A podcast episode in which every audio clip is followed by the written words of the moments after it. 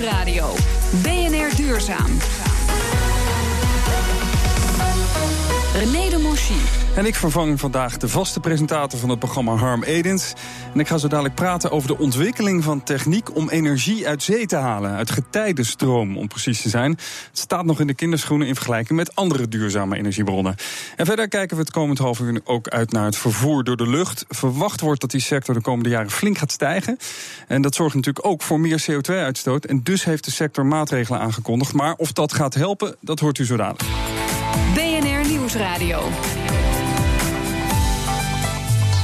BNR Duurzaam. Ja, de wind op zee die was nog nooit zo goedkoop. Dat jubelde minister Henk Kamp een paar, weken, een paar weken geleden. Maar volgens Hans van Breugel gaat dat ten koste van de ontwikkeling van energie uit water. Want de subsidieregelingen trekken windenergie en ook zonne-energie voor, zegt Hans van Breugel. Hij is de topman van Tocardo en hij staat hier naast me. Um, ja, jullie maken energie uit uh, getijdenstromen. Heel kort, kan me er wel bij voorstellen. Maar kan je toch even kort uitleggen hoe dat werkt? Ja, feitelijk is het een onderwaterwindmolen. Dus de, het, het getijden dat brengt de stroming heen en weer. Kijk tussen Texel en Den Helder, dan zie je het water stromen. Nou, zoals je uit de lucht energie kan halen, kan je ook het water energie halen. En de energiedichtheid van water is veel groter. Dus wij kunnen naar verhouding heel veel energie uit het stromende water halen. Maar waarom zou je het uit water halen als het uit lucht te halen is, uit de wind? Nou, het mooie van getijdenenergie is de 100% voorspelbaarheid. Dus wij kunnen over 20 jaar levensduur van een getijdencentrale op elk moment van de dag voorspellen hoeveel energie wij produceren. En dat noemen we dan ook variable baseload. En dat vinden de energiebedrijven weer heel interessant. Ja, die constante stroom van energie. Ehm, toch zijn er maar twee installaties in Nederland die echt gewoon vol continu draaien. Hoe kan dat als het zo'n goede manier van stroomopwekking is? Nou, dat komt omdat eigenlijk de ontwikkelingen pas uh, een jaar of vijf terug echt gestart zijn. Uh, getijdenenergie is wel best lastig. En we maken gebruik van de versnelling van wind. Dus we leren natuurlijk heel veel van de windindustrie. Alleen ja, wij zijn net gestart als, als nieuwe lood aan de stam van duurzame energie. Nou las ik dat de voorspellingen zijn dat uh, maar een paar procent maximaal in Nederland uit uh, waterenergie kan worden gehaald. Um, en op dit moment is het nog grotendeels uit zoetwater, uit rivieren, ik geloof voor 95 procent. Het is wel een marginale schone bron van energie. Het is in Nederland een marginale bron van schone energie, maar het geeft wel een enorm exportpotentieel. En wij zeggen ook, je moet niet alleen kijken naar de Nederlandse markt, je moet ook kijken naar de potentie voor onze exporterende industrie. Maar dan heb je eigenlijk een hele andere soort subsidie. Dan heb je een exportsubsidie en niet een innovatie- of schone energiesubsidie. Ja, maar je hebt ook een thuismarkt nodig. Wij kunnen niet zonder thuismarkt. Wij hebben vorig jaar de Oosterschelde geïnstalleerd. Fantastisch installatie. En daar zijn we met heel veel buitenlandse partijen geweest. Het is toch een icoonproject. En je hebt een thuismarkt nodig. Dus die 100 megawatt die we kunnen realiseren, is in het totaal misschien uh, niet echt groot. Maar je exportpotentieel is 1000 tot 2000 megawatt in diezelfde periode. En dat is wel heel substantieel. Ja, dan kan je dus in het buitenland uh, dienst verlenen, misschien ook wel bouwen. En daarmee kan je ook een deel van de schone energie met de doelstellingen, klimaatdoelstellingen voor je rekening nemen. Um, even terug naar die Nederlandse kant. Hoeveel meer zit er nog in en wat kost dan de prijs per kilowattuur? Ja, nou, we zijn op dit moment ongeveer uh, twee keer, tweeënhalf keer zo duur als wind op land. En dat is natuurlijk best veel.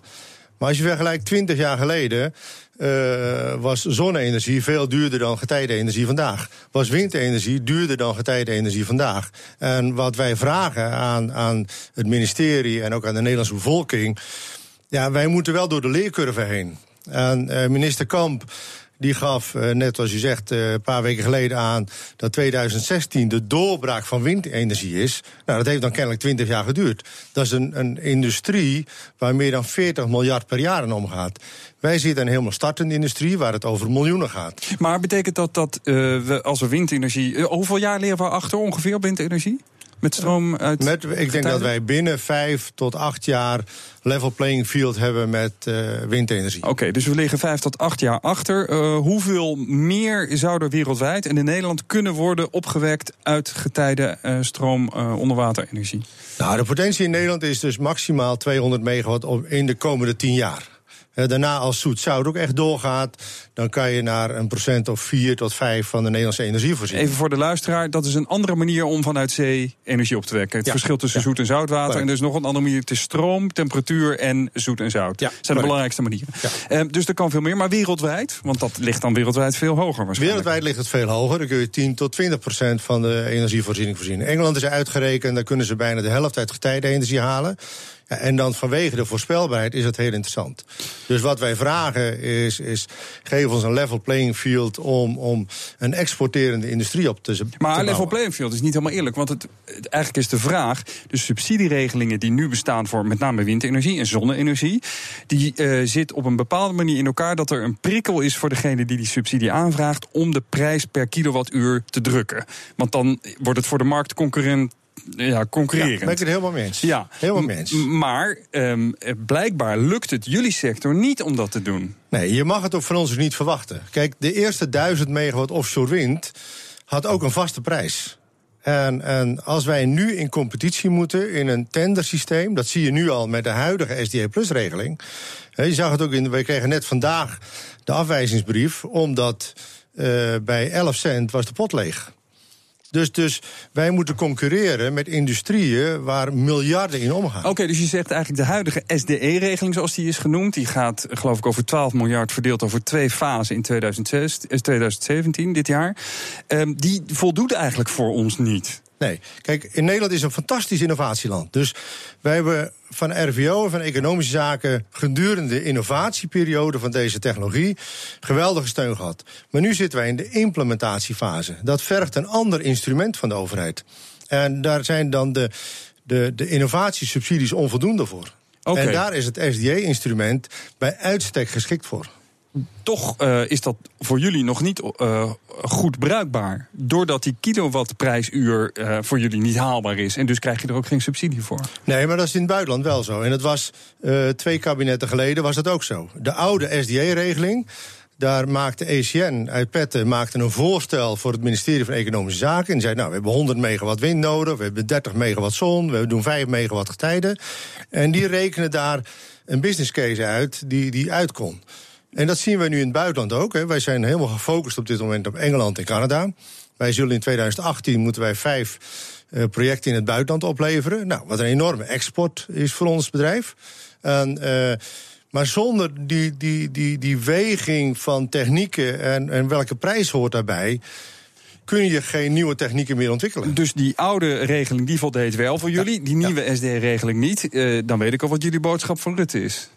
Ook ja, niet deze Rutte dan wel voor het volgende kabinet, mocht dat er komen na de verkiezingen? Ja, wij vragen echt voor het volgende kabinet. En, en of het dan een combinatie van een investeringssubsidie plus een SDA is. Maar wij vragen echt weer steun.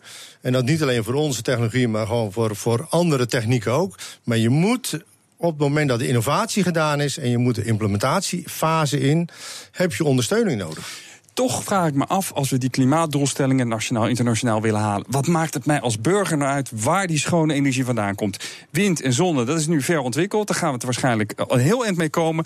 Wat maakt me het dan uit of het uit golven komt of niet? Als burger maakt me dat toch niet uit? Nee, dat ben ik het mee eens. En, en, maar als burger wil je wel graag dat je continue energievoorziening hebt.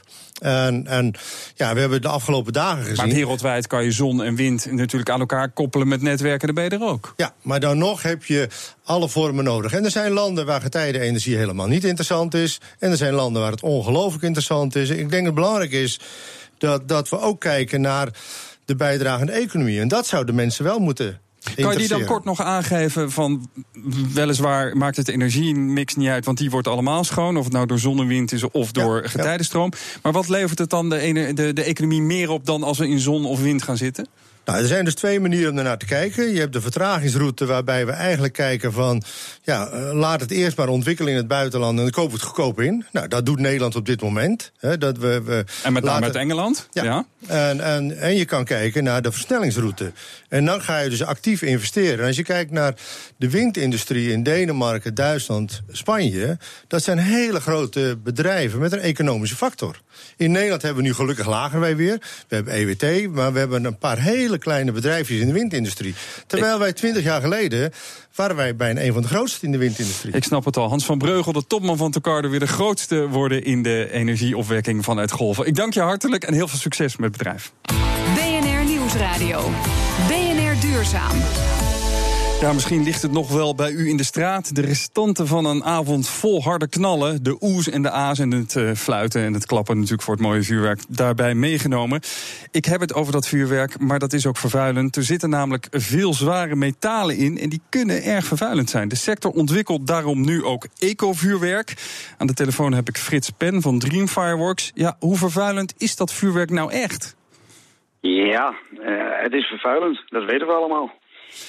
Maar um, op de schaal van vervuiling van andere bronnen lijkt me dat één keer per jaar uh, een paar uurtjes nou niet echt een uh, substantieel probleem. Nee, dat lijkt ons ook niet. maar niettemin zijn we toch bezig om een schone product te proberen te maken. Ja, um, dat betekent dus vooral die zware metalen eruit halen. Ik heb uit chemie van de middelbare school geleerd dat dat juist voor die kleuren zorgt. Dus dat lijkt me nog knap lastig als je een mooi vuurwerk wil maken. Dat klopt, maar er zijn bestanddelen genoeg te vinden op deze aardbol waar we het wel mee kunnen. Uh, de hoofdzaak wat we eruit kunnen halen zijn het perchloraat en het barium. Dat zijn een van de, de grootste vervuilers. En uh, die komen dus op zo'n dag als, als gisteren in het milieu, in het, in het oppervlak neem ik aan, oppervlaktewater met name. Ehm, dat komt er dus niet meer in. kan ik als consument dan besluiten om dit eco-vuurwerk te kopen? Nou, helaas is dat op dit moment nog niet zo ver. We zijn alleen aan het ontwikkelen uh, binnen de professionele sector. Dus echt voor de evenementen. En daar, is, daar ligt het begin op dit moment. Hoeveel, hoeveel duurder uh, kost dat vuurwerk dat zo ecovriendelijk is? Ja, dat is op dit moment al een behoorlijk stuk duurder. Uh, mede dat het een Europees product is. Dus het komt niet uit China. Dus we zitten al met onze hoge loonkosten en de materialen. Um, dan lijkt me het knap lastig om zowel uh, de evenementenorganisatoren als de consument over te halen om duurder te kopen, terwijl het eigenlijk niet een heel groot probleem is. Nou, wat is geen groot probleem? Kijk, we hebben in de jaren hebben we ook een katalysator onder de auto gekregen waar je, waar je 20% minder vervuiling door hebt. Nou, en, en, die percentages zijn wij nu ook mee bezig in het vuurwerk.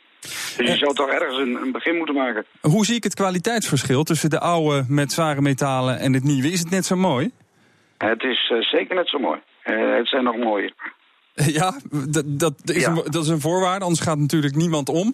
Um, in hoeverre staan gemeenten, uh, dus waar de overheid voor vuurwerk zorgt, dat zie je toch, toch steeds meer, hè? Rotterdam, groot evenement. In hoeverre staan de gemeenten hiervoor open om dit uh, op deze manier bij jullie in te kopen?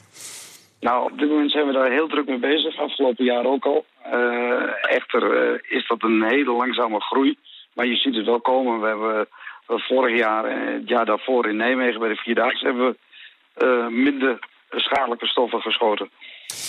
Gaan we er tot slot uh, als laatste vraag iets te makkelijk mee om met dit vervuilende product, vind je? Nou, nee, het is een traditie. En, en ja, ik, ik, ik kan niet echt zeggen dat we er makkelijk mee omgaan, maar er zal misschien in de toekomst toch wat moeten veranderen. Ja, en dus wie moet dat doen? Ja, de, de producenten. Die zullen moeten gaan kijken wat de mogelijkheden zijn. Kijk, die ontwikkeling is niet van de laatste paar jaar. Daar zijn we al heel lang mee bezig. Ja, maar dit is een flauw argument, want het is duur. Dat zeg je ook net. Ja, dan ja, gaat het niet ja, vanzelf. Want dan gaat ieder, niemand gaat het duurste spul kopen natuurlijk. Nee, dat klopt. Maar we moeten kijken, al het, uh, vooral nu we in ontwikkeling zitten, is het duur. Uh, op het moment dat het een massaproductie wordt, uh, zal het ook weer goedkoper worden. Op naar schoon vuurwerk. Dankjewel, Frits Pen van Dream Fireworks. Er is steeds meer aandacht voor de elektrische auto als alternatief voor benzine en diesel. Maar de echte vervuiler in het vervoer is de vliegsector. En daar moet snel verandering in komen. Welke expert dat zegt, dat hoort u zo. BNR Nieuwsradio. BNR Duurzaam. De vervoerssector die moet een flinke bijdrage leveren aan het behalen van de klimaatdoelstellingen. Zo moet de uitstoot door auto's worden teruggedrongen en ook moet elektrisch vervoer flink gestimuleerd worden. Intussen doet een andere vorm van vervoer, het luchtvervoer, veel te weinig. Althans, dat zegt hoogleraar transportbeleid Bert van Wee van de Technische Universiteit in Delft. Ja, u vindt dat die luchtvaart onterecht een beetje een uitzonderingspositie heeft. Noem eens twee of drie voorbeelden van die uitzondering waar zij niet aan hoeven te voldoen en anderen wel. De belangrijkste verschillen zijn enerzijds dat er geen heffingen zitten op kerosine, oftewel de brandstof voor de internationale luchtvaart, en geen BTW op vliegtickets. Oké, dat is dus het voordeel dat ze hebben wat anderen niet hebben. Dat is geen, play, le, uh, uh, level, level playing, playing field ten aanzien van vervoer. Dat klopt, dat is sowieso geen level playing field. En er komt nog eens bij dat de luchtvaart relatief zeer vervuilend is. Is dat zo? Ja, ik hoor altijd de luchtvaart zeggen van nou, per persoon of per gevlegen kilometer of per vliegtuig is het toch schoner dan de rest. Ja, de vraag is hoe je dat het beste kan vergelijken. Een aantal men mensen vindt dat je dat het beste kan vergelijken op basis van per kilometer. En dan is het inderdaad zo dat je beter kan vliegen dan evenveel kilometers alleen in de gemiddelde auto rijden. Maar de keus die mensen maken is vaak niet: ga ik met de auto naar Amerika of met het vliegtuig? Maar de vraag is: ga ik met het vliegtuig naar Amerika of met de auto naar Frankrijk? En als je het zo bekijkt, dan kan je per euro, maar ook per uur haast niet meer energie erdoor draaien dan wanneer je gaat vliegen. Oké, okay, dus uh, het is maar hoe je het meet. En uh, ze manipuleren die cijfers een beetje, de sector zelf. Ja, manipuleren zou ik het niet willen noemen, want ik denk dat die cijfers wel kloppen. Alleen ze beroepen zich op een verdrag van Chicago van al een jaar of zeventig oud. om nog steeds geen heffingen te willen hebben op kerosine en geen BTW op tickets. En tot op heden komen ze daarmee weg. En dat komt natuurlijk mede omdat het internationaal zo moeilijk is om alle neuzen in één richting te krijgen. Ja, daar kan ik me alles bij voorstellen. Het zijn internationale bedrijven bij uitstek. Dus als je het aanpakt moet je het eigenlijk bij iedereen, bijna wereldwijd aanpakken. Anders is het weer dat uh, niet level playing field. Ja, idealiter is wereldwijd het beste. Alleen dat is bijzonder lastig. Dat geldt overigens ook voor de zeescheepvaart. Dat is eigenlijk nog nog tragischer, de zeescheepvaart.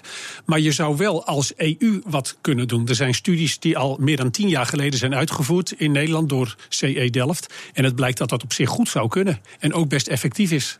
Dat betekent dus dat al het luchtvaartverkeer in Europa schoner zou moeten worden. Ja, maar eventueel ook alle getankte brandstof ook voor intercontinentale vluchten. Dus als je van de EU naar Amerika bijvoorbeeld vliegt, dat daar ook heffingen op zitten. Nou is er uh, heel lang over onderhandeld, weet ik toevallig. En ik geloof uh, ergens in het laatste kwartaal, oktober, november, heeft in Montreal een uh, akkoord plaatsgevonden. Van 191 landen doen mee. Waaronder ook wel Amerika, groot vliegland, China, groot in ontwikkeling. Dat betekent dus dat er succes wordt geboekt. Ja, er is voor het eerst nu eindelijk een klein beetje succes geboekt. Eigenlijk was er al een eerder succes waar het gaat om het uh, CO2-handelssysteem. Maar dat heeft eigenlijk geen zoden aan de dijk gezet. Dus ja, het goede nieuws is dat er eindelijk een keer iets aan zit te komen. Maar het slechte nieuws is dat die discussie al meer dan 25 jaar duurt. Dus het gaat wel ongelooflijk langzaam. Maar is nou de kritiek, uh, het werkt niet? Of is de kritiek, het gaat te langzaam en het kan sneller? Nou, de ene kritiek is het gaat veel te langzaam. Het had veel eerder gekund. En de andere kritiek is dat de luchtvaart eigenlijk nog steeds wordt bevoordeeld ten opzichte van de rest van de samenleving. Dus uh, het overlandvervoer, vrachtwagens, treinen, personenauto's, elektriciteitscentrales, huishoudens. En de vraag is waarom de luchtvaart zo'n uitzonderingspositie zou moeten krijgen. Want voor het milieu en ook voor de consument maakt het niet uit of je nou uh, energie gebruikt om te vliegen of voor je auto. Waarom zou het een bevoordeeld moeten worden ten opzichte van het andere? Nou, um, uh, hoeveel vervuilender is die? Zijn daar cijfers over? Hoeveel vervuilender uh, het is die de luchtvaart in, vervoer ten opzichte van andere vormen van vervoer? Daar zijn zeker cijfers over. het kost uh, als je bijvoorbeeld een intercontinentale vlucht zou maken van 10.000 kilometer heen en 10.000 kilometer terug, dan kost dat ongeveer evenveel energie als een kleine personenwagen op jaarbasis. En daar komt nog eens bij dat de CO2-uitstoot die daarvan het gevolg is, als je uiteindelijk kijkt naar de klimaatinvloed, is het nog eens een keer een factor 2 à 2,6 erger als de luchtvaart iets uitstoot dan personenwagens. Dus dat betekent dat voor veel mensen geldt dat die ene keer dat ze op vakantie gaan intercontinentaal, dat dat voor het milieu meer aantikt dan hun auto in het hele jaar. Oké, dus dat is flink vervuilender. Um, ik kan me wel voorstellen dat mensen zeggen: ja, ik kan niet anders. Dan zou je het moeten zoeken in biodiesel. Want batterijen lijkt me voor vliegtuigen, ja, ik ben een leek, maar onmogelijk. Of misschien in efficiënter vervoer, meer in rechte lijnen vliegen van A naar B. Ja, dat laatste scheelt wel iets. Maar het beste zou zijn een doorbraak op het gebied van biodiesel. Daar hebt u helemaal gelijk in. Je neemt geen accu's mee in een vliegtuig om hem uh, op zonne-energie te laten vliegen. Dat lukt niet. Um, en een ander alternatief is dat mensen toch niet meer zo makkelijk het vliegtuig zouden nemen. Alleen dat als je dat via voorlichting gaat doen van mensen, het is niet goed voor het milieu, dan heeft dat vrijwel geen effect. Dus eigenlijk de groeistoppen van, uh, toch wel als je die groeicijfers ziet in de sector, dat gaat nog 20, 30 jaar door. Zeker, voor elke drie kilometer die Nederlanders per auto rijden, vliegen ze er twee gemiddeld genomen, of op alle Nederlanders bij elkaar. En dat gaat groeien. En binnen enkele decennia vliegen we net zoveel als dat we auto rijden. Maar dat, dan zeg je eigenlijk tegen de landen die nog minder vliegen, misschien uh, ontwikkelingslanden, uh, jullie mogen eigenlijk niet meer groeien. We hebben dat al gedaan, dus jullie moeten daarmee stoppen. Nou, dan zie ik de discussie al aankomen. Dat is bijzonder lastig. Het is inderdaad zo dat wereldwijd de grootste toename van personenvervoer wordt verwacht Waar het, dat zit hem in de luchtvaart en eventueel ook hoge snelheidstreinen. En ga maar eens inderdaad tegen mensen in Afrika of China zeggen: jullie mogen niet vliegen, want wij hebben de boel al uh, opgevlogen. Dat gaat hem dus niet worden. Dus er moeten als de donder internationale afspraken komen waarbij de luchtvaart hetzelfde wordt behandeld als alle andere vormen van energiegebruik. Maar voorziet dat uh, akkoord van Montreal van uh, oktober, november, voorziet daar dan ook in dat die groei minder moet worden? Voorlopig mag de sector nog doorgroeien. Vanaf uh, een jaar of drie moet die sector de groei op een of andere manier compenseren. Dat betekent dat ze dus per saldo nog evenveel mogen blijven uitstoten. Oké, dus het is niet minder uitstoot, het is compensatie. De groei moet eruit. Terwijl de EU zegt dat de CO2-uitstoot van de hele samenleving fors naar beneden moet. We verwachten dat als het toch zo door zou gaan als wat we denken bij business as usual, dat er in 2050 dat het klimaatveranderende effect van de luchtvaart hoger is dan de hele maatschappij alles bij elkaar acceptabel vindt. Maar Montreal probeert daar nou wat aan te doen, of gaat dat niet werken? Nou, ik hoop dat het gaat werken. En het is in ieder geval beter dan dat er niets gebeurt. Maar het is nog steeds zo dat de luchtvaart daarmee een uitzonderingspositie heeft. In die zin dat ze meer mogen uitstoten dan anderen. Geef nou eens een voorzet voor Kamerleden die luisteren, uh, ministers, misschien ook de EU in Brussel naar BNR, je weet het nooit. Wat moet er nu gebeuren? Wat moet de overheid doen? Ik zou in eerste instantie proberen om binnen de EU, dus niet wereldwijd, want dat is heel moeilijk, om binnen de EU draagvlak te krijgen voor het feit dat de financiële voordelen van de luchtvaart worden afgebouwd. Misschien niet in één keer, maar in een paar stappen. Level playing field binnen Europa. Ja, sowieso dus heffingen op kerosine en ook BTW op tickets. Maar ik hoor Europa al zeggen en de bedrijven, ja ho ho, want er komen ook buitenlandse maatschappijen hier, dat moeten we niet doen. Uh, binnen Europa een akkoord hierover bereiken is misschien wel lastiger dan wereldwijd. Ja, en daarmee ben ik niet optimistisch. En het is natuurlijk ook zo dat als mensen die van Amerika nu via Amsterdam vliegen naar verder naar het oosten en straks via Dubai, dat ons dat wel enig economische pijn zal doen. Maar aan de andere kant, als dat een reden is om maar niets te doen, ja, dan komt er dus ook nooit beleid van de grond. Zeg je hiermee eigenlijk van de klimaatdoelstellingen die Nederland heeft aanvaard, zijn niet te halen zonder uh, die luchtvaart ook aan te pakken? Sterker nog, de klimaatdoelstellingen van de EU zijn niet te halen als de luchtvaart niet flink wordt aangepakt. Dat is een uh, sombere boodschap, want we willen toch allemaal blijven vliegen en op vakantie. Ja, dat is, dus een lastige boodschap, ik weet het. Ja, wordt het ook duurder daardoor voor de consument? Het wordt zeker duurder, maar we moeten ons wel realiseren dat vliegen de afgelopen decennia alleen maar veel en veel goedkoper is geworden. Dus ja, hoe erg is het als tickets weer op het prijsniveau zouden liggen van bijvoorbeeld 1995? Met de trein naar Shanghai. Dat zal hem denk ik niet worden. Maar dat betekent dat we bijvoorbeeld wat meer uh, zakelijke gesprekken gaan voeren via Skype. En niet gaan vliegen naar Shanghai. Helemaal duidelijk. Hartelijk dank Bert van Wee, hoogleraar transportbeleid aan de Universiteit in Delft. De minuut van de waarheid. Ja, van het vliegverkeer naar smeltend zeeijs, dat is niet echt een grote stap, zo merkt de redacteur Frederik Mol. Uh, want uh, ja, het is niet alleen omdat de transatlantische vluchten natuurlijk vaak over de Noordpool vliegen. Het draait ook allemaal om het energieverbruik. De ijskap op de Noordpool is een goede graadmeter voor de opwarming van de aarde. Onderzoekers van het Duitse Max Planck Instituut berekenden dat de gemiddelde wesseling verantwoordelijk is voor het smelten van 30 vierkante meter ijszee per jaar. Ja, dat is niet een uh, grootheid die in de wetenschap erg gangbaar is. Dat zegt klimaatonderzoeker Roderick van der Wal van de Universiteit Utrecht. Het draait allemaal om het aantal ton broeikasgas wat we jaarlijks uitstoten. Ja, in Nederland is dat uh, 10, maar in Duitsland is dat 9, dus dat is 10% lager. Frankrijk is het maar de helft en uh, Italië is ook ongeveer de helft. En uh, Australië zit op 15 en Amerika uh, ook zoiets geloof ik. Hoe komen de wetenschappers aan het getal dat 30 vierkante meter ijs smelt? Het getal komt voort uit het feit dat we uh, met satellieten goed kunnen vaststellen hoeveel het zeeijs afneemt. En we weten ook hoe wij onze energieproductie tot stand brengen, waardoor we weten hoeveel uh, CO2-emissies we hebben. En als je die twee dingen op elkaar deelt, dan kom je uit op die 30 vierkante meter per persoon in, in het Westen Van der Wal verwacht overigens niet dat het bij die 30 vierkante meter blijft, omdat de ijskap ook warmte reflecteert. En zeewater absorbeert meer warmte dan ijs. Uiteindelijk uh, zal het laatste restje zeeijs, wat er in de zomer is, sneller verdwijnen dan uh, wat er nu gebeurt. Dus het zal zeker nog wel ietsjes toenemen. Daarmee is de stelling voor nu in elk geval helemaal waar. En dat oordeel werd dus geveld door Roderick van der Wal van de Universiteit Utrecht. En u hoorde hem in een bijdrage van Frederike Mol. En daarmee zijn we aan het einde gekomen van deze eerste aflevering in het nieuwe jaar van BNR Duurzaam. Na weer, verkeer en nieuws begint Meijnerd Schut met de eerste BNR-spitsuur van het nieuwe jaar. Volgende week is Harm Edens weer te horen op deze plek. En u kunt deze uitzending terugluisteren via bnr.nl en de BNR-app. En natuurlijk ook in de schappen van iTunes en Spotify. En ik zeg om af te sluiten in de woorden van Harm Edens: hou hoop en doe het duurzaam. Tot de volgende week.